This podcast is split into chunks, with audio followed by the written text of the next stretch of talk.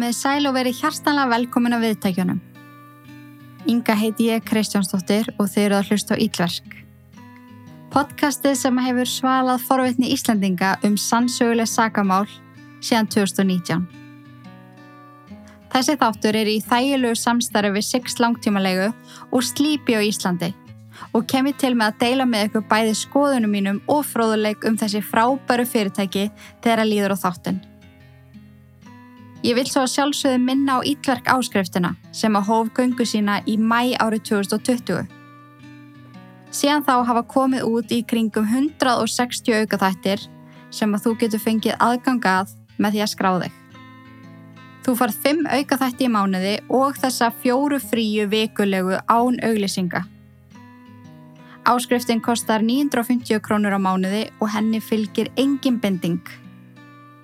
Skoðaðu endilega málið inn á ítverk.is. Þetta er allt sem ég vildi sagt hafa þegar að kemur að þessum málefnum og nú skulum við snúa okkur að máli dagsins.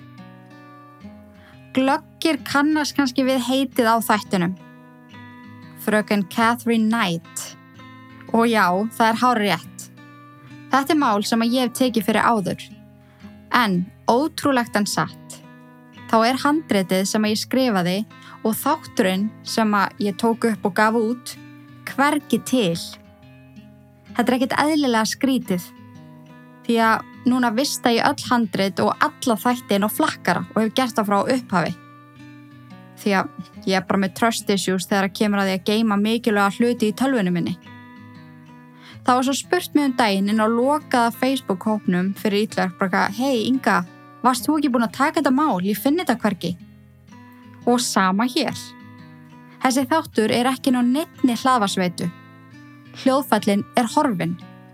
Hann er heldur ekki inn á flakkaranum. Hvergi í tölfunni. Þessi þáttur er hreinlega horfin af yfirborða jarðar. Svo ég ákvað hreinlega að endurgera hann því að þetta máli gjössalega styrlað og ég vil endilega mitt teik á málið síðan úti. Hannig, hér eru við. Ég ætlaði að fara að segja, vonandi muniði njóta þess að heyra málið aftur. Það er svolítið erfitt að orða þetta svona þar sem að þetta mál er mjög grafíst og bara mjög óhugnalegt. Svo ég vona allan að þetta verði áhugaverð hlustun og þeir séu ána með að geta loksins hlusta á hann því að ég veit að mörgu ykkar hafi verið að leita af honum. En áður við byrjum þá vil ég segja Þátturinn mun innihalda um fjöllunum morð, hræðilega meðferð á öðrum einstakling og mikið magnaf málfarsvillum. Ég vildi allan að vara þig við ef þú ert viðkvæm eða viðkvæmur fyrir svo leiðis. Catherine Knight. Gjöru þau svo vel.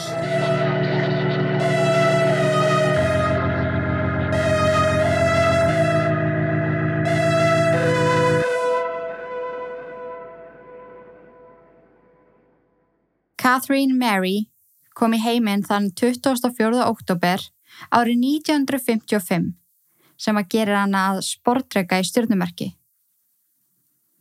Hún fættist inn í mikla tókstreitu og heift og frá því hún opnaði fyrst augun var hún kölluð djöblabarn sem er stytting á hjóna djöblabarni. Enda voru fjölskyldunar sem að hún fættist inn í litnar hortnauga í bænum og þar hötu líka hvor aðra. Barbara, mammenar, hún var gift Ken Knight. Ken var að vinna með manni sem að hétt Jack Ruhan. Jack og Barbara fór að hittast í laumi og eftir tveggja ára leynisamband varð Barbara ólétt af Catherine. Fyrir átti Jack fjöguböld og það sem að mér þykir mjög áhugaverst er að þegar hann dó árið 1959 þegar Katrín var fjórar og gömul þá taka Barbara og Ken við börnunum. Ken og Barbara átti þrjú börn og tóku svo við fjórum börnundi viðbótar. Svo það var ansið þröngt á heimilinu og Katrín þurfti að deila herbyggi með ókunnugu barni sem að hún átti allt í einu að kalla sískinni sitt. Fjölskyldan var búsett í Tenterfield í söður Wales sem er í Ástralju. Og já, mamma Barbaru bjó líka heima hjá þeim. Henni líkaði alveg einstaklega illa við Ken og fannst hann langt frá því að vera gott mannsefni fyrir dóttu sína. Þegar hún var yngri þá giftist hún írskum verkamanni Hann er löngu dáinn, en samkvæmt henni þá dó hann úr dugnaði. Hann var alltaf svo duglegur að vinna, svo góðu við börn og konur, snerst ekki áfengi og tóbak. Og hverjum einasta degi þá bar hún ken og írska mannin saman. Akkur getur þú ekki verið meira eins og hann? Akkur þarf þetta að vera svona mikill vesalingur? Og út frá þessum aðtúasendum gömlu konunar urðu oft háfaðar yfirlildi. Þá skriðu börnin á heimilinu undir rúmin sín og heldu fyrir eirun. Það voru samt allir sammála gömlu konunni. Ken var algjör aumingi og bara frekar vondur og veikur maður. Eins og svo ofta áður í málum sem að ég tek hérna fyrir, þá var hann ofbeldisneiður áfengisjúklingur. Hann kom virkilega illa fram við Barbaru og sangant henni þá nöðgaði henni allt upp í tíu sinnum á hverjum einasta degi. Til þess að hefna sín á Ken þá sagði Barbara börnunum sínum í smáadröðum frá öllu sem að Ken gerðani. Hún útskýrið fyrir þeim snemma hvað nöðgun er og hvað kynlíf er og með tíð og tíma þá urðu skilin þarna milli mjög óljós. En nöðgun og kynlíf er algjörlega sitt hvort hluturinn, sem er eitthvað sem að börnin skildu ekki. Enda var þetta alltaf rætt í kjölfarið af hver öðru. Hún talaði um hvað hún hataði menn, hvað hún hataði kynlíf, því kynlíf er nöðgun. Menn nöðga, menn eru vondir. Pappekar er nöðgari, pappekar er ógeslegu maður. Allir menn eru svo pappekar. Maður skilur alveg hvernig slík orðræða getur rugglað í hausnum á ungum börnum og þetta átti eftir að setja í þeim öllum og átti einnig eftir að hafa verulega slæm áhrif og þá sérstaklega á Kathrín. Þegar krakkarnir urðu eldri þá áttu þau við hvort annað kynferðslega. Þau sóttu líka mjög ung í kynlíf. Eða, já svona frekar erfitt með að kalla þetta kynlíf. Þau sóttu í kynlífstengdar aðtapnir með öðru fólki til dæmis bekkjafélögum. Og enduðu slíkar aðtapnir oft með ofbeldi frá nætt börnunum. Þau hefðu svo innilega þurft á hjálpa halda þegar þau voru yngri. Því það sem að þau ólust upp í brenglaði sín þeirra svo innilega. Og ekki bara á kynlífstengta hluti, heldur líka bara öll samskipti. Þau kunni ekki að tjá sig. Kathrín var mjög náinn frenda sínum, Óskar, sem að var bróðir pappennar. Hann var á kafi í hestamennsku og lefði Katrín að koma með sér í hestúsið að annarkvort ríða út eða aðstofa með störfin þar. Hún elskaði ekkert meira en hestamennsku og frenda sinn. Þegar hún var með honum þá fekk hún tækjafæri á að eiga eðlilegt líf og eðlileg samskipti, þótt að væri ekki nema í klukkutíma hér og þar yfir vikuna. Maður getur því ekki ímynda sér hversu erfitt það var fyrir hann að heyra að frændanar hafi tekið sitt eigi líf þegar hún var 14 ára gömul. En Katrín varð aldrei söm eftir það. Fyrir þá var Katrín frekar hóvar og feimin. En eftir að frændana ljast, þá færðist yfir hana óstjórnleg reyði. Það var eitthvað sem að komin í uppnám, þá sturtlaðist hún. Hún lamdi fólk, skallaði það, öskraði á það og gargaði. Öll sískinennar, mammenar og aðri kunningjar voru skítrætt við hana því að reyðekostin voru svakaleg. Í Músvelbrúk skólanum sem að Katrín var í var hún þekkt sem þessi furðulegi eineltissekkur. Hún satt um minni og yngri krakka og nöyt þess að ganga í skrokk á þeim á skólalóðinni. Krakkarnir gerðin ekki neitt en það þorði enginn að tala við hana. En þau voru fyrir henni, þau voru minnumáttar og Katrín þurfti útrás fyrir reyðinni sem var gjörsanlega átana upp að innan. Hún var tveist á sinum handtekin og tekin í bursta af skólalöðin í handjátnum því hún réðst á lítinn strák og svo einu sinna kennara með nýf sem hún komið í skólan. Í þessi skipti þurft hún að gista einanótt í fangaklefa og var séðan hlift út daginn eftir og svo var einhvern veginn ekkert gert í þessu. Og ég er ekki eins og vissum að mammenar hefði verið látin vita, sem að hefði hvort sem er haft lítinn sem engan áhuga á þessu veseni í dóttusinni. Það sem er líka svolítið magna við Kathrín er að sérst, mikið af fólki sem var umgegst hana, svo sem kennarar og samnefendur, segja að inn á milli reyðikastana þá hafa hún verið dásamleg. Hún spjallaði, sagði brandara, hafði áhuga á náminu, spurði spurninga og andliti á henni varði einhvern veginn blíðlegra og augun bjartari. Og akkurat þetta er eitthvað sem átt eftir að fylgja henni út lífið. Því það er hellingur af fólki sem á einhverjum tímapunkti eftir að kalla hana fallega og heillandi konu og þá sérstaklega karlmenn. En Guð hjálpaði þeim ef hún rettist. Svo maður getur ímynda sér að fólk hafi sveikt og beitt svolítið eftir hennar hendisemi því það vildi halda henni góðri. Og það er aldrei gott merki. Ef þú þarfst að passa þig í samskiptum við aðra því að þú ert svo hrættur eða hrætt um viðbröð viðkomandi, þá er eitthvað að. Lestur og skrift er eitthvað sem að Katrín lærði aldrei almennilega. Hún gæti retta sér en ekki mikið meira en það. En það hætti hún mjög ungi skóla því að hún vildi fara að vinna. Draumur Katrín var nefnilega að losna í burstu frá heimili móðu sinnar og hefja sitt eigi líf. 13 ára gömul þá fór hún á fullt í það missjón. En þar sem að hún hafði litla sem enga mentun og kunni valla að lesa og skrifa, þá var henni hafna á flestallum stöðum sem hún sótti um á, sem að gerða hana mjög reyða. Hver einasta hafnun sem hún fekk fór beint ofan í ósýnilegan bakboka sem að þyngdist einhvern veginn með hverjum deginum sem leið á bakin á henni. Ef hún rætti til dæmis við mömmu sína um að henni liði illa eða hún væri stressu yfir því að fá ekki vinnu, þá fekk hún alltaf sama svarið. Hættu þessu djöfusins væli. Þú gerir ekkert annað en að væla. Herstuðu upp. Lífið er ekki auðvelt.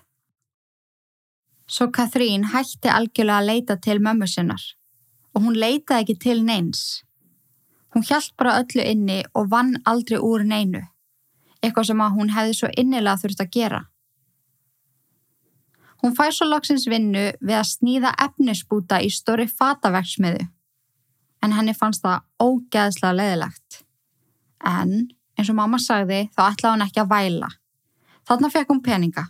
Þetta var vinna eins og hvað annað og ef hún þurfti að sníða föta eilifu þá ætlaði hún bara að gera það.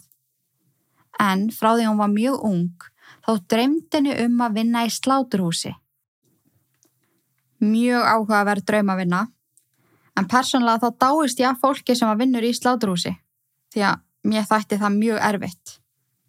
En þetta var hennar draumur og hún barða undir samstarfskonu sína í verksmiðinni og það vildi svo skemmtilega til að pappi samstarfskonunar átti sláturhús og hún vantaði starfsfólk fyrir sömarið. Samstarfskonan lagði einn gott orð og rúmum tól mánuðum eftir að Katrín hófstorfi í fataversmiðinni, sagðun upp þar og byrjaði að vinna sem slátrari. Henni til mikillar hamingju þá var henni gefið sitt eigið sett af nýfum. Aðrir sem að unnu í sláturhúsinu skóluðu af þeim og gemdu í skápnum sínum þegar þau fóru heim eftir vinnudaginn. En Katrín, hún tók nýfana sína alltaf heim, þreifð á vel og vandli og brindi á hverjum einasta degi svo hengt hún nýfasetti yfir rúmið sitt þegar hún fór að sofa. That would always be handy if I needed them, svo ég vittni í hana orðrætt eftir hún var spurð af hverju hún gerði þetta.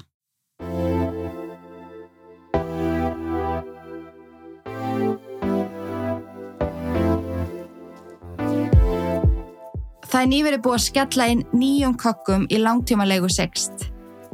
Þau hendu mér á glænían Renault Captur sem er svona bíl sem að ég hefði aldrei spáði en vákaðan er fáralega þægilegur. Ramax og bensibíl rúmgóður, skemmtilegur að keira og mér finnst ég bara algjör djöfis að skella á honum í alvörunni.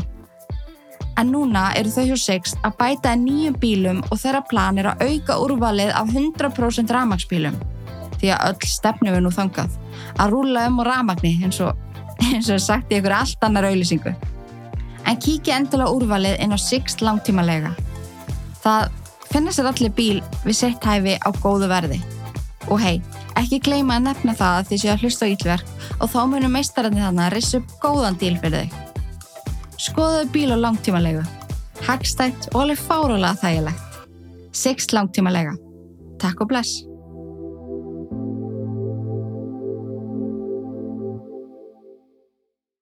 Þegar Katrín var 18 ára gömul árið 1973 og hafði unnið í sláturhúsinu í fjóra mánuði, þá fór hún að slá sér upp með samstarfsfélaga. Hún er David Stanford Kellett. Þetta var fyrsta alvöru sambandi hennar Katrín og hún var ákveðin í því að láta þennan mann ekki koma fram við sig eins og pappinar kom fram við mömmunar. Það er auðvitað frábært að setja mörg og láta ekki vaða yfir sig, auðvitað, en Katrín kom fram við David eins og Ken hafði komið fram við Barbaru. Í stað þess að break the habit eða brjóta fjölskyldu minstrið því að hún var svo ákveðin í að vera ekki sömu spórum og móðurinnar, þá tók hún bara upp hegðun pappa síns. Og þeir sem að þekktu David sögðu að eftir að hann byrjaði með Katrín þá varð hann skil af mannesku. Hann var kvektur, stressaður og marinn í andlitinu alla daga. Því Katrín nýttist á hann andlega og heikaði ekki við að lú berjan. Hún heikaði heldur ekki við að berja vinnans ef að þeir voru með eitthvað leiðindi til dæmis við hann á djamminu. Í eitt skipti þá fóru vinir David að rýfast í hannum og einn þeirra ítti í hann. Þegar Katrín sá þetta, gekk hún beint upp af vininum sem að ítti í hann og róta hann með einu höggi. Svo hóta hann hinnum að ef að þeir myndi ekki láta David vera, þá myndi hún koma heim til þeirra og drepa þá og fjölskyldur þeirra í svefni. Með tímanum þá hættu vinir David að umgangast hann því að allir voru þeir skítrætti við Kathrín sem að varti þess að hann lokaðist enn meira af og endanum þá var hann alltaf aðleitt með Kathrín sem að réð yfir honum á allan hátt.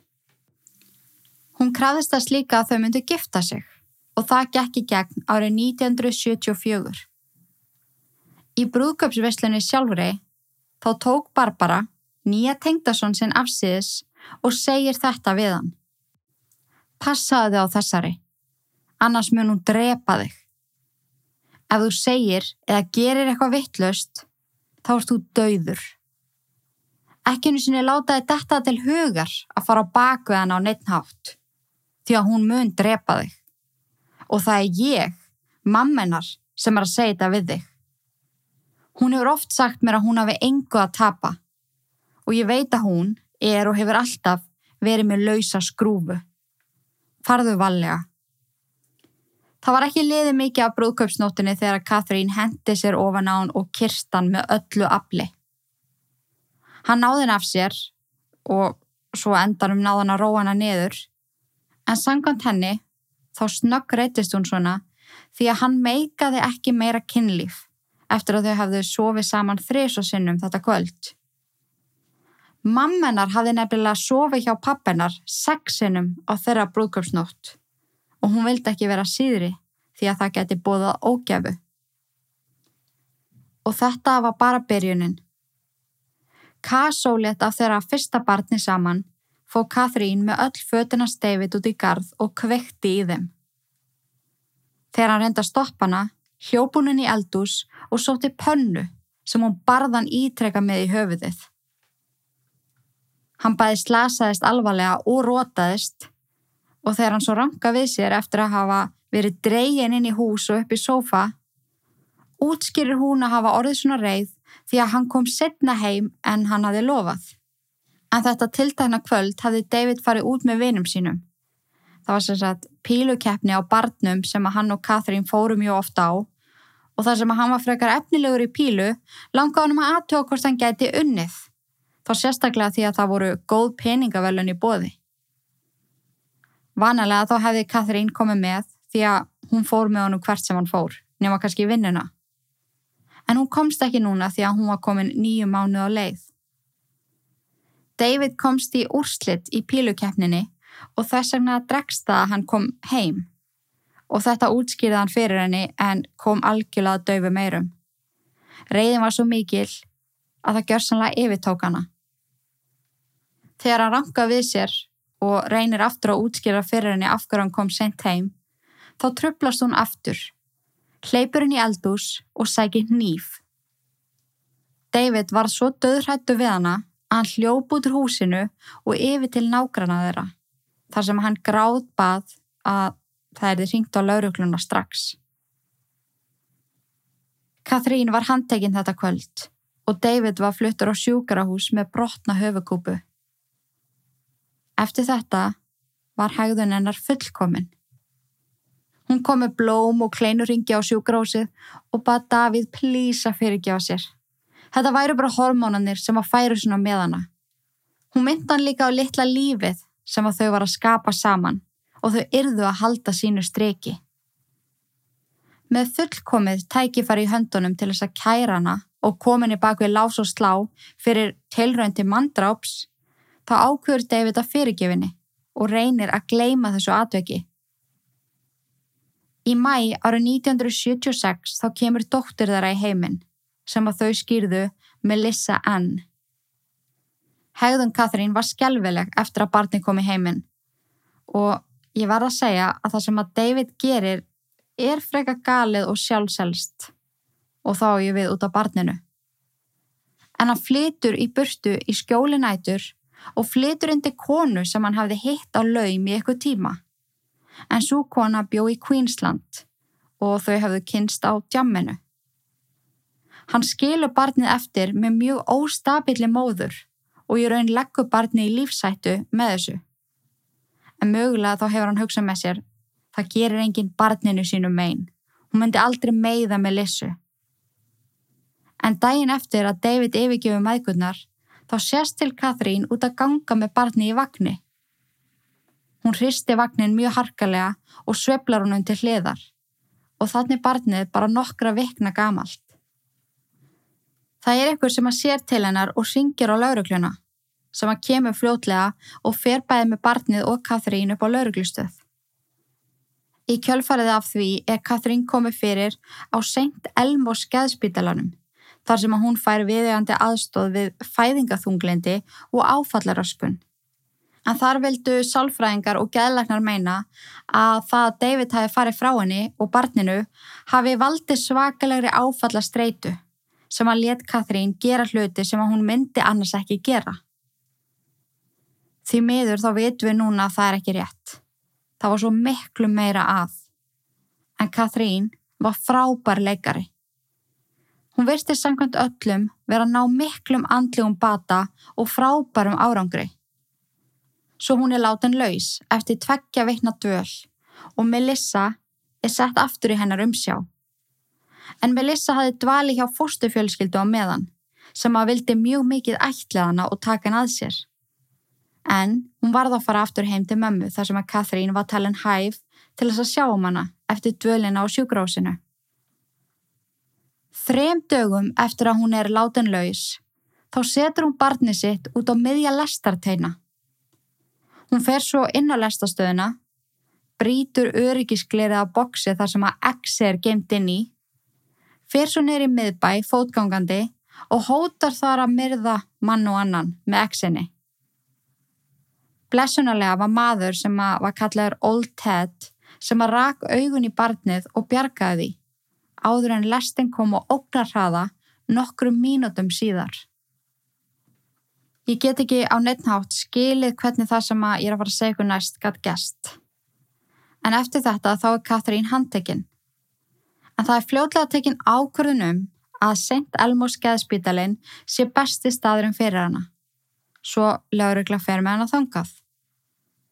Dæin eftir þá tjekkar hún sig sjálf út og fer. Hæ? Ég skilit ekki. Hún skildi barnið sitt eftir til þess að deyja, gekk um með exi og fekk svo sjálfa að tjekka sig út nokkrum klukkutímum síðar. Þarna hefði verið hægt að grýpa inn í en því miður eins og í svo mörgum málum sem við krifjum hérna er allt og mikið af ónýttum tækifærum til þess að stoppa þetta stór hættulega fólk af sem að hefur ekkert að gera með að vera ráfandi um meðal almennings. Slettri viku eftir hún tjekkaði sér sjálf út af geðspítala þá reðst hún á konu og bensinstöð. Hún skar hana í andliti með nýf og skipar henni að keira sér til Queensland svo hún geti leita að fyrirverandi manninu sínum. Konan var skítrætt við hana og þorði ekki öðru en að aka með Katrín af stað. Notabenni þá var litla barn konunar sofandi í bílstól aftur í. Þegar að bílum var orðin bensilaus þá sannfærði konan Katrín um að leifa sér að stoppa og fylla á bílinn. Katrín virstist róleg svo að konan hleypur inn á bensinstöðuna og byður starfsfólk um að ringja strax á laurugluna. Það sé klikku kona inn í bílnum hennar. Þegar laurugla mætir á svæðið hafði Katrín læst sig inn í bílnum með barninu. Það enda með því að brjóta rúðu bílsins og piparúðaði spreja beint í augu Katrín. Blessunarlega gerði hún barninu ekkert og hún er handtekinn. Mér langar líka að taka það fram að frá því hún setti barnið sitt á lestateinana þá spurði hún aldrei hvar það væri, hvort að Melissa væri í lægi. Þegar henni var sagt að barnið hafi bjargast og sé núna í fóstri annar staðar, þá sínd hún enga tilfinningar, líkt og henni væri nákvæmlega sama. Eftir að vera handtekinn enn einu sinni var ákveðið að besti staðurum fyrir hana væri geðspítali því að það hafi gengið svo ótrúlega vel fram á þessu. Hún var þarna lögð inn á Morissette Psychiatric Spítalan. Þar viðu kennur hún fyrir geðlækni að hún þrái ekkert meira en að myrða fyrirverandi manninsinn, þáverandi konunans og mammans og um leið og hún losnar þá ætlar hún að gera það. David er látið vita af þessu og það sem að hann gerir kemur mér svo innilega óvart. En segir manni líka að hún er þóttu greinlega mjög vænt um Katrín. En hann flytur út úr íbúðinu sem hann deldi með kærustunni sinni í Queensland og kemur henni og aldraðri móðu sinni fyrir á öðru heimili í öðrum bæ. Svo fer hann og sækir Katrín. Og hann flytur með hana til Woodridge sem er útkverfi í Brisbane og leggur gjörsanlega allt sitt í að hjálpa henni. Hann ætlaði sér samt alltaf að snúa aftur heim til mömmu sinnar og nýju kærustunar, en Katrín verður ófrísk eftir hann, rúma hálfa ári eftir hún losnar á geðspitalanum. Þau eignast saman aðra dóttur sem að þau skýra Natasja Marie og þegar hún kemur í heiminn þá slítur kærasta David sambandinu því að hann greinilega ætlaði ekkert að koma aftur. Veist, what? Þau eru saman og ala upp Natasju í fjögur ás, nokkurn veginn hrakvallalaust. Kanski hefur David þarna verið fann að trúa því að Katrín væri búin að ná okkur um bata. Katrín fer þá aftur að vinna í slátrúsi sem er náttúrulega drauma starfið hennar. Árið 1986 þá hættir Katrín með David. Hann vissið ekki á þessum tímapunkti en átti mig fljóðlega eftir að komast að því að hún hefði kynst öðru manni. Hinn um 38 ára gamla námuverkamanni David Saunders. Mjög fljóðlega eftir að þau fór að vera saman þá slasaði Katrín sér í vinnunni er hún dætt aftur fyrir sér í stega. Hún þurfti að fara í bráða aðgerð á bakinu og um tíma var óvist hvort að hún fengi hreinlega kraftin í hægri fótun aftur. En eftir mikla vinnu og langan tíma þá gat hún gengið á ný en það þótti mjög ólíklegt að hún færi aftur út á vinnumarkaðin. En það er ekki beint sliðsið sem átt eftir að hafa áhrif á Katrín þar sem að eftir var. Heldur voru það lifin sem hún fekk í kjölfarið af aðgerðinni. Sterkverkjalif, sveplif, kvíðalif. Hún misnótaði þetta allt saman og drakk áfengi ofan í lifin. Hún fór einhvern veginn úr því að vera duglega að vinna, líka í vinnu sem hún elskaði, yfir í að taka því líkt magna af livjum allan daginn, alla daga. Hún elskaði hvernig allir hennar erfileikar hörfu þegar lifin fór að virka. Þungi ósynilegi bakpokkin með öllum hennar áföllum varð örlíti léttari og skiljanlega þá leita hún í þessa tilfinningu. En þetta átti eftir að hafa svo skjálfilegar afleðingar og átti eftir að ruggla svo innilega í nú þegar rugglari heilastar sem er Katrín. Nú er alveg frekar langt síðan ég kynnti mér þetta mál síðast. Alltaf sé ekki að vera komin tvö ár kannski. Og váka ég á búin að gleima hvað gerist mikið af ruggluðum hlutum í þessu máli. Ég var til dæmis búin að gleima því að eftir að Katrín hafi jafnað sér eftir aðgerðina og þurfti ekki lengur að vera rúmleikjandi þá fær hún það í gegn að fá eldri dóttu sína aftur með lissu. Muniði, Badnið sem hún lagði hann á lestateina til að deyja, sem að ókunni og maður kom að bjarga því. Hún var látin aftur í umsjá móðu sinnar, því að Katrín virtist hafa náð fyllilegum andlegum bata. Notabenni þá hafði barni verið umsjá fóstufjölskyldu í tvö ár sem að barðist harkalega fyrir því að fá að ætla hana. Réttu móður er mjög sterkur sem að hann áður þetta að vera en þarf ekki að vega og meta hvort það sé hreinlega örugt að taka barnið úr stabilum aðstæðum og koma því aftur um sjá móður sem að reynda að drepa það. Nei, ég bara spyr sko.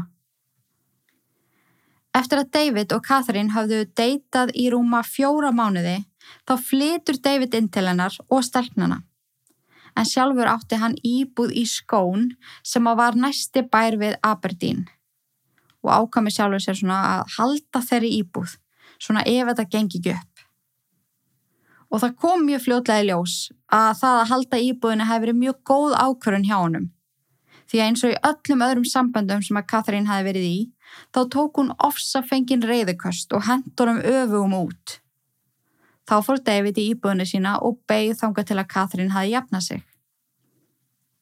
En þetta fyrir að gerast æg oftar og þótt að Katrín endaði alltaf á grátt byðanum að koma heim, þá var rifrildið ekki endilega búið þá. Um leið og hann kom aftur heim til hennar þá dundu yfir hann ásaganir og spurningar. Hvað varst það að gera á meðan þú varst í börstu? Þú varst að halda framhjá, ég veit það. Ekkert sem hann sagði að gerði náði til hennar og endaði Katrín yfirlegt á því að berja hann með pottum, pönnum eða berum höndum. Stundum þá sló hann í rót Stundum þá fekk hann glóðurega og í eitt skipti þá braut hún á hann um nefið. Það var allur gangur á þessu og vinir David gráð báðan um að yfirgefa þessa konu því að það væri eitthvað mikið að henni. En hann hafði líka ítrekka sagt vinir sínum að hann í alvörunni ótaðist að hún myndi drepa hann í svefni. Eftir eitt slíkt reyfrildi og slagsmál þá gerði Katrín hlut sem að korki David nýja stelpunar hennar áttu nokkuð tíman eftir að gleima. Nokkrum dögum áður en þetta átti sér stað þá hafði fjölskyldan eignast lítinn kvolp, svona dingo kvolp. Stelpuna voru sérstaklega spenntar og bjuggu um hann á milli rúmana sinna. Kathrín var svo sturdluð og reyði út í David að hún tekur kvolpin upp og sker hann á háls fyrir framann stelpunar. Svo segir hún við David Þetta mun koma fyrir þig ef þú hættir ekki að ljúa mér og halda framhjá. Svo barð hún hann með pönnu í höfiðið og David rótast. En staðrindin var svo að hann hafi aldrei nokkuð tíman haldið framhjá henni og hann lauga ekki að henni, en það þekktu fyrir að vera heiðalegur og harduglegur maður. Og þetta þurftu stelpunar að horfa upp á. Morð á litlu saklusu dýri og hræðilegt ofbeldi í Gard David sem hafi alltaf verið þeim svo góður.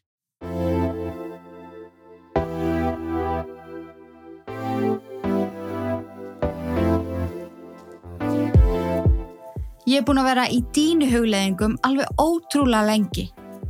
Ég veit ekki hvað það er, en það að kaupa með dínu, það, það hræði mig. Ég fæ svo mikið svona framistöðu kvíða, eða svona, uh, hvað ef ég verði ekki ánað, eða Hvað ef að ég er ánað fyrst og svo fer það að dala? Æ, ég veit það ekki. Ég hef einhvern veginn frestað þessu ótrúlega lengi. En ég fekk svo aðstof á Instagram eða ég spurði fólk hvaða dínu það ætti og það sögðu bókstala allir slípi, alveg yfirgnæfandi meira hluti. Svo ég fór að skoða betur. Fór upp í búð, skoðaði og varði voða skoten strax og eftir að velta þessu fyrir mér í nokkra veiku til viðbótar ákvaði ég að heyra bara í slípi, tjekka hvort við getum ekki unnið eitthvað saman ef að ég væri svo ána með dínuna. And here we are. Er það að grínast eða? Ég fór úr því að vakna með verk í bakinu alla modna yfir ég að vakna útkvíld á bókstala einni nóttu. Ég get sagt einhver mega glöð og sátt að ég mæli svo innilega með slípu dínunni. Ef að þið eruð í slíkum hugleðingum þá þurfuð þið ekki að leita meira. Hún gengur fyrir þá sem að vilja hartundilag, hún gengur fyrir þá sem að vilja mjúkt, þú einfallega snýrið henni bara eins og þér hendar. Ég, ég elska þegar ég get bent ykkur á eitthvað virkilega gott stöf. Ykkur að góða vörur eftir að hafa prófað það sjálf. Það er svo góð tilfinning þegar maður getur sparað öðrum tíma sem fer í að leita af upplýsingum og pröfa og rannsaka áður en keftir. Þessar dýnur eru líka frábæru verði og þetta fyrirtæki hefur svo ótrúlega mikla reynslu og þekkinga á því sem það er að gera. En slípið er búið að vera í 30 ár að reyna að þróa hérna fullkomnu dínu og ég held bara sveimið þá að þeim hafi tekist það. Baki mitt er allavega mjög hafmyggjusamt með þetta allt saman. Kíkja endilega á sleepy.is ef að þið eruð í dínu hugleggingum og ekki hika við að heyri mér ef það er eitthvað sem að þið viljið vita meir um. Ég vil með öllu hérsta að þið sóðu vel. Sleepy á Íslandi. Betri svepp, betra líf. Í júni árið 1988 þá eignuðist David og Catherine fyrsta barni sitt saman. Þriðja barn og þriðja dóttir Catherine sem að þau skýrðu Söru. Fljótlega eftir að Sara kom í heiminn þá kom upp á melli David og Catherine mjög stórst og alvarlegt rifrildi þegar hún stakk hann svo í kveðin með eldurskjærum þá fekk hann nóg og hljópa brott. Annar nógi sem að skilu börn eftir hjá þessari konu. Ég, já, ég skil það ekki alveg. Þegar hann snýri tilbaka þá var Katrín búin að klippa öll fötina sniður í litla búta og sko agnar smáa pingu litla búta. Þetta hefur alveg tekið sinn tíma. David verður svo reyður að hann fer aftur í bustu og lætur ekki sjá sig í þrjá mánuði. Þegar hann svo snýst tilbaka og reynda að komast inn í húsið þá mæti lauröglan á sveiðið eftir að hann hafi bankaði smá stund. En Kathrín hafi þá sótt um nálgunabann og tjáði laurögla að hún var í döðrætt við hennan mann.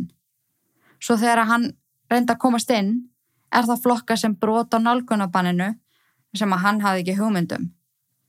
Hann er þá leittur í burtu af landaregninni af lauruglu og hún er bannað að hafa sambandu bæði Kathrín og börnin. Árið 1991 þá fyrir Kathrín að slá sér upp með fyrrum samstarfsfélaga sínum, hennum 42 ára gamla John Shillingworth.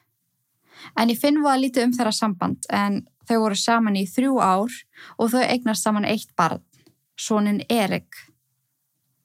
En þegar að leiðir þeirra skilja þá hafði Kathrín haldið við annan mann í nokkra mánuði sem að hún svo endanum fór frá John Chillingworth fyrir. Sá maður hétt John Charles Price. Hún er svolítið að vinna með menn sem heita John eða David, hafið tekið eftir því. En fyrir þá átti hann þrjú börn með fyrrum eiginkonu sinni. En þau höfðu skilið fyrir fimm árum og John var þarna að fara að leita svolítið eftir öðru ástasambandi. Hann vissi vel hver Catherine Knight var og hafði heyrst um hana marg misóhugnulega sögur og þegar hann fyrir að slá sér upp með henni þá er hann ítreka varaði við bara, heyrðu nei, þú vilt ekki fara þessa leið, þessi kona er stór hættuleg þú verið heyrst af hlutunum sem hún hefur gert. En hann vildi greinlega fá að dæma um það sjálfur og verði mjög hrifin af Catherine. Hún flytur inn til hans og tveggja eldri barna hans árið 1995 með börnin sín þrjú en húsi var um gott og því nóg pláss fyrir alla. Krakkarnir fimm urðu allir perluvinir og fyrstu mánuðina þá lýsir John Heimilis lífinu sem A Bunch of Roses, Everything is Brilliant. En það ætti ekki að koma okkur neitt óvart að fljótlega fór reyfrildi og ofbeldi að taka yfir. John hafði unnið í sömu námuvinnunni frá því hann var úlingur og var orðin mjög hátsettur og virtur innan fyrirtækisins. Hann gerði Katrín það ljóst mjög snemma í þeirra sambandi að hann tyrti að vinna mikið og sérstaklega þegar stór verkefni lágu fyrir. Tótt hún hefði sagt skiljaða mjög vel, þá fór vinnan hans mjög fljótt að tröflana. Það sem að tröflana líka var að John vildi ekki gifta sig, allavega ekki strax. Hinga til þá höfðu allir menn gifst henni þegar hún krafðist þess. En John stóð fastur á sínu sem að gerði Kathrín alveg brjálaða. Til þess að hefna sín ánum þá tekur hún vídeo af hlutum sem að voru til bilskur og leti yfir mann John hafa. Og þegar hann spurði hana bara hvaða vídeo er þetta þá sað hún Ég get ekki haft þetta á samviskunni lengur. John er stelsjúkur. Hann hefur stólið verkfærum, sjúkrakossum og vinnufötum frá fyrirtækinu í langan tíma. Ég bara varða að segja það frá þessu. Og þetta var til þess að John var rekin úr vinnunni sem hann hafi synd mest megnið æfisinni eða næstum 17 ár. Sannleikunum var sá að John hafi aldrei stólið neinu og var gerðsala meðu sín yfir þessu. Hann spurði Katrín bara hvernig fjandanum þau ætti að borga alla reikninga núna. Alli, hún kannski sjá um það og endur á að hendinni út. John segi vinu sínu frá þessu sem að voru allir hjálpa honum að borga reikninga og finna sér nýja vinnu. Og allir rósa honum líka fyrir að hafa losað sér úr þessu skelvelega sambandi.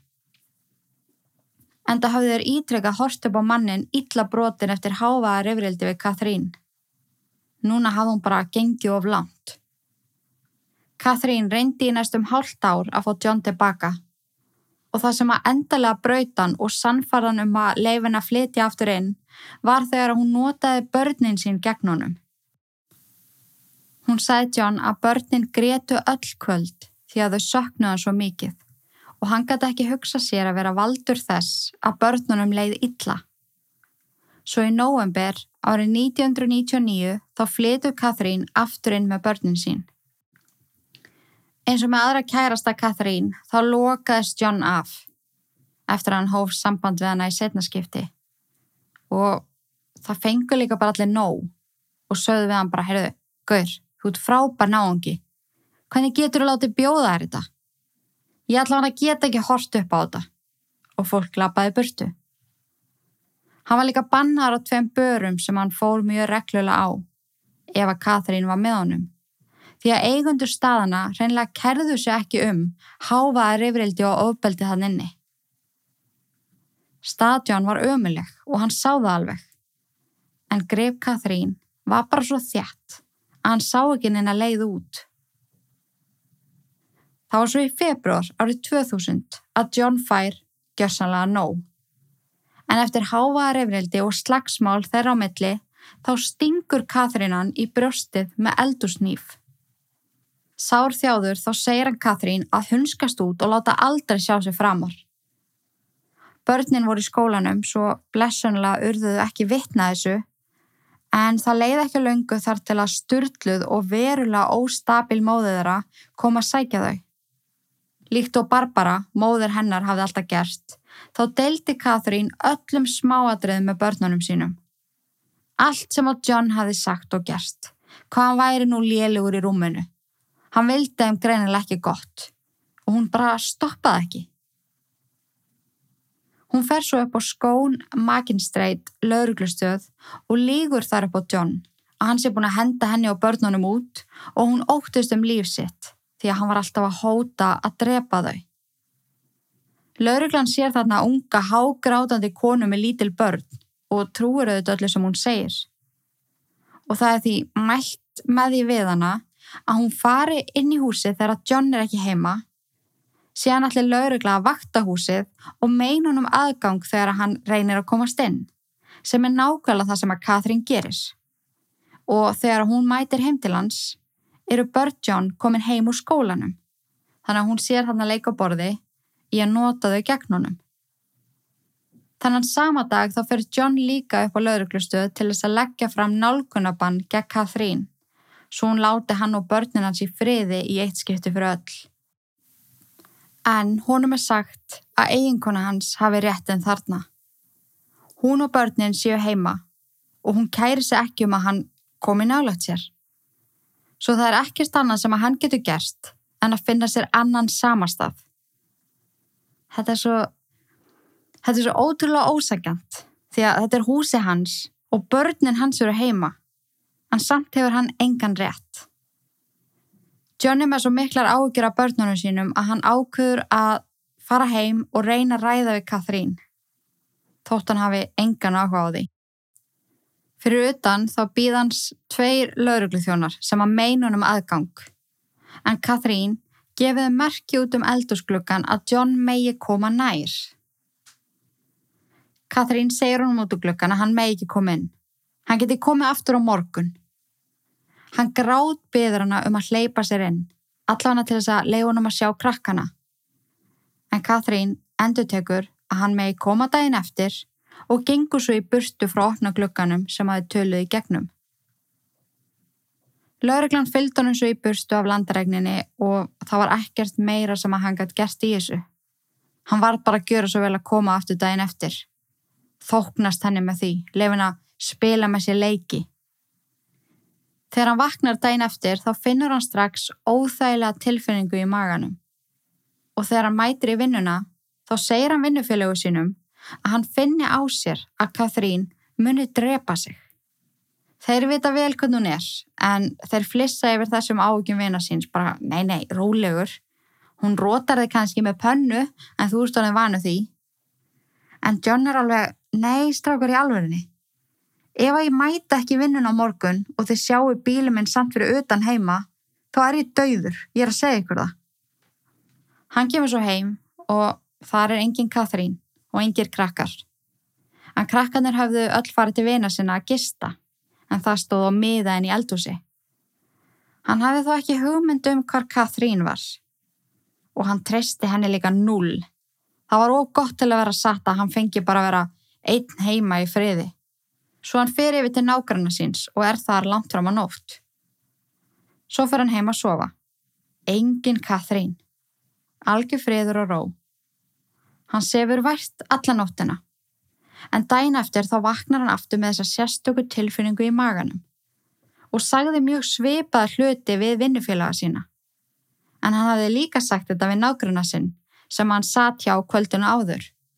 Bara ánalsgríns, ef að bílinn er heima og ég er hverki sjánlegur, ringdu þá á laurugluna.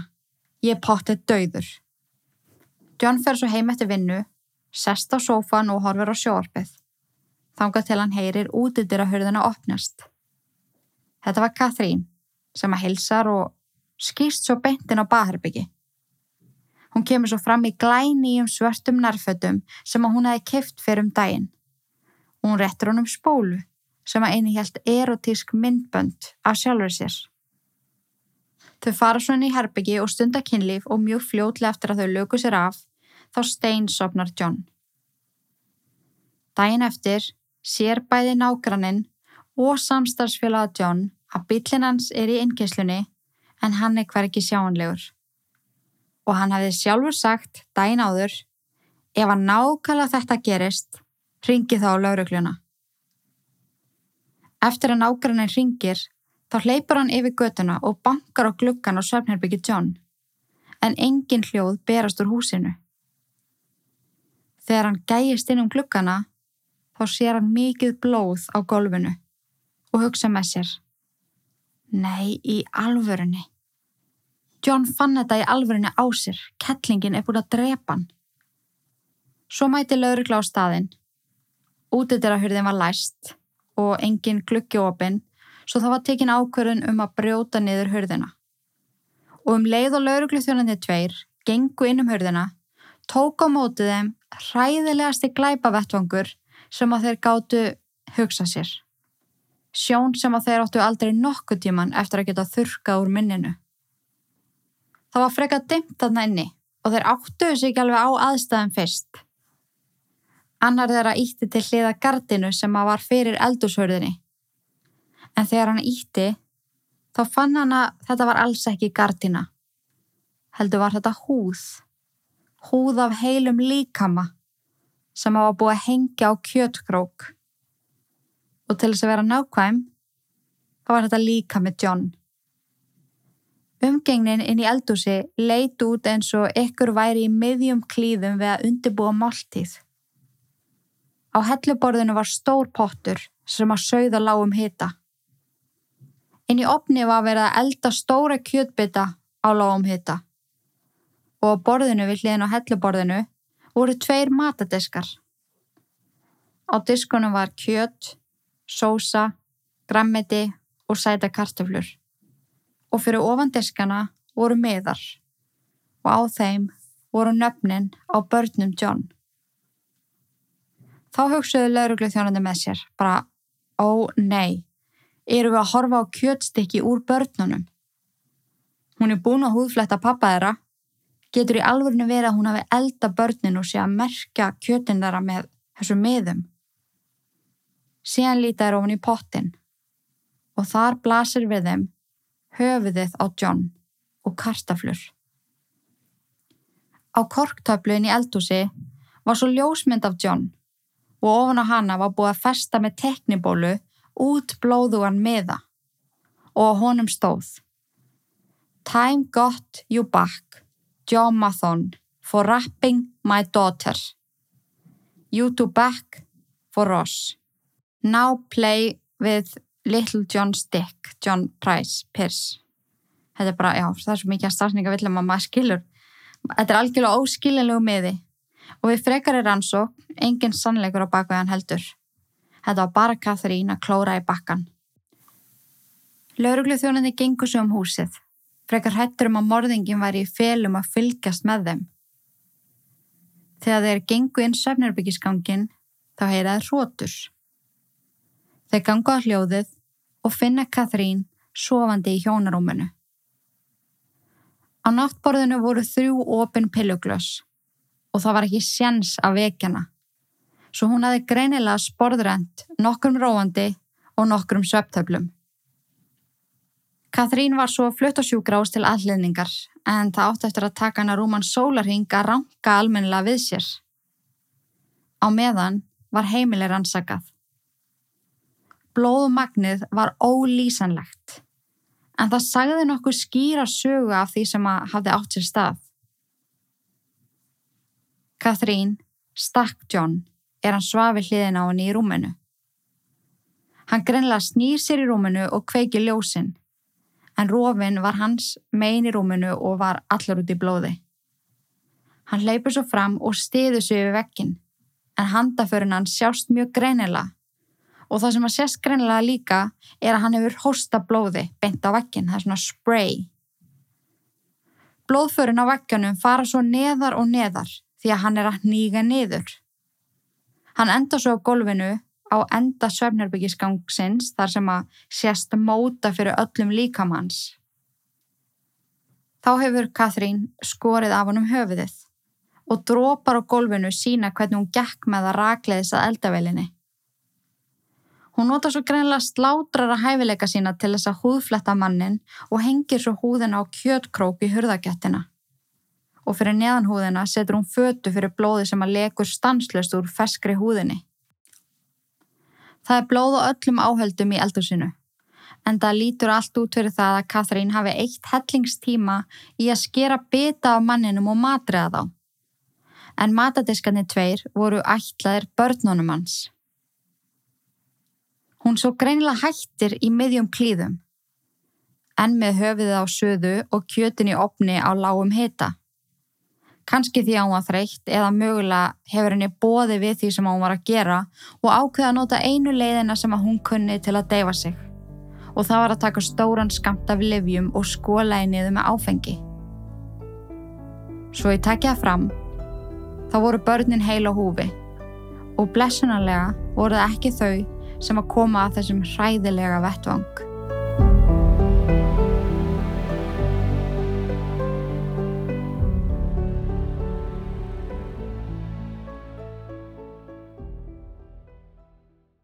Þegar Katrín ranka við sér þá segist hún ekki muna neitt og hún heldur því fram enn í dag að hún muni ekki neitt.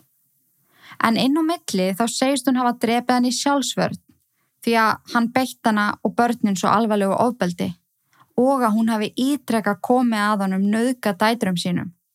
Svo breytur hún aftur yfir að hún mun ekki neitt. Auðmingja fólki sem að þurfti að setja réttahöldin.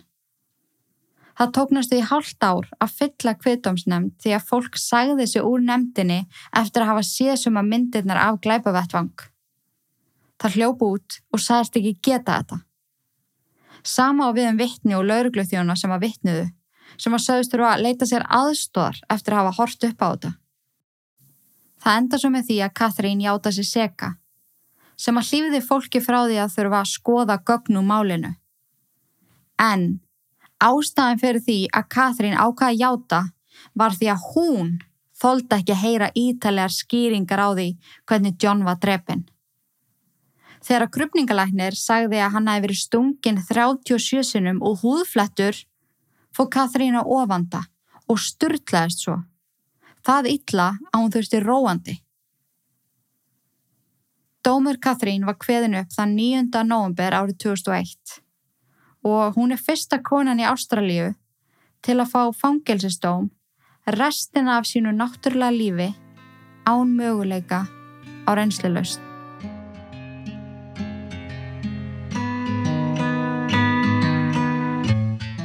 Og þar höfum við það. Þetta var heitt styrlaða mál Catherine Knight.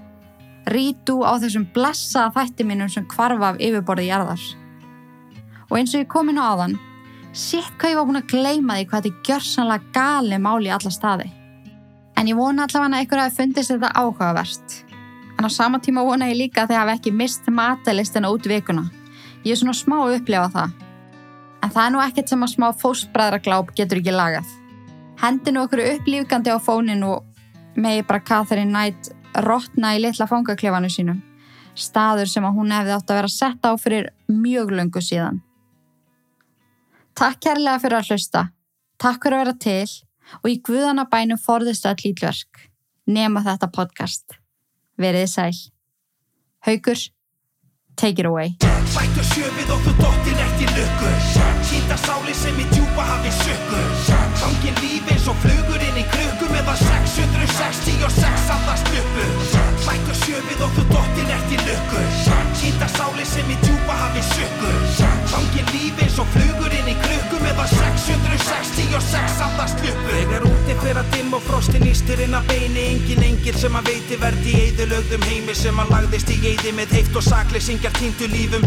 Verkin ítlu sem að fólki sá í sínu sínum Hversu margir hræðast drauga Hversu margir hræðast að það horfi í augu dauða? Saugu taka mann á taugum eins og andar sem að herja mann. Hvaði voru á himnum fyndu engil til að verja mann. Hjartaslæri svo það sé með djöfulinn á hælunum Refur á móti hænunum, úlfur með sögða gæru Ílska reykar í bænum og lömpi þakma Þórað ekki að vanda. Allt og marga sálir sem að tilbyðja fjanda Hamingja krasar eins og skip sem strandar anda Dráttur milli handa hættir að vanda Þegar að þreyttir að hálsi. Þegar ótti tekur yfir missa sakleysingjar málið. Sálum henda bálið eins og nortni galdra fári Bættu sjöfið og þú dottir eftir lukkur Hýta sáli sem í djúpa hafi sökkur Gangin líf eins og flugur inn í krukku Meðan 666 andast uppu Bættu sjöfið og þú dottir eftir lukkur Hýta sáli sem í djúpa hafi sökkur Gangin líf eins og flugur inn í krukku Meðan 666 andast Er það reyði sem að gera megin Skeppnur skapur eins og grimmir hundar sem að naga bein Eins og refur inn í hensna kofa Hænur sofa svefninu langa þegar að anda koma. Þegar illir anda taka yfir liði fyrir yfir liði Ljósir anda fara fyrir. Flesti kjósa fá að halda friðin Liðir yðar um og missi trúna sem það lifði fyrir Flesti standa eftir og stara bara hefndi sjúkum hug eins og hjá blóðþyrstum talibana Þau þurfa að byggja fyrir sálum sínum eins og fíkil sem er háður vímu þjáður er í sárum sínum byður um það eitt að hlusta sé á alla bæni sínar gengi hefur grítt að vegi alla fokkin æfi sína Shhh, viltu fá að sjá Ingu illur tróða sér í lag hjá fokkin hauki há Bættu sjöfið þú dottir eftir lukkur Hýta sáli sem í djúpa hafi sökkur Gangin líf eins og flugur inn í Meðan 666 andast uppu Bættu sjöfið og þú dottir eftir lukkur Hýta sáli sem í djúpa hafi sökkur Gangin líf eins og flugur inn í krukku Meðan 666 andast uppu Býðum í andartak, andardráttur andvarpar Í andarklassi skilji andar eftir handafar Býðum í andartak, andardráttur andvarpar Í andarklassi skilji andar eftir handafar Býðum í andartak, Handa glasi skilji handar eftir handapar. Býðum í andartak, andadráttur andvarpar. Í handa glasi skilji handar eftir handapar.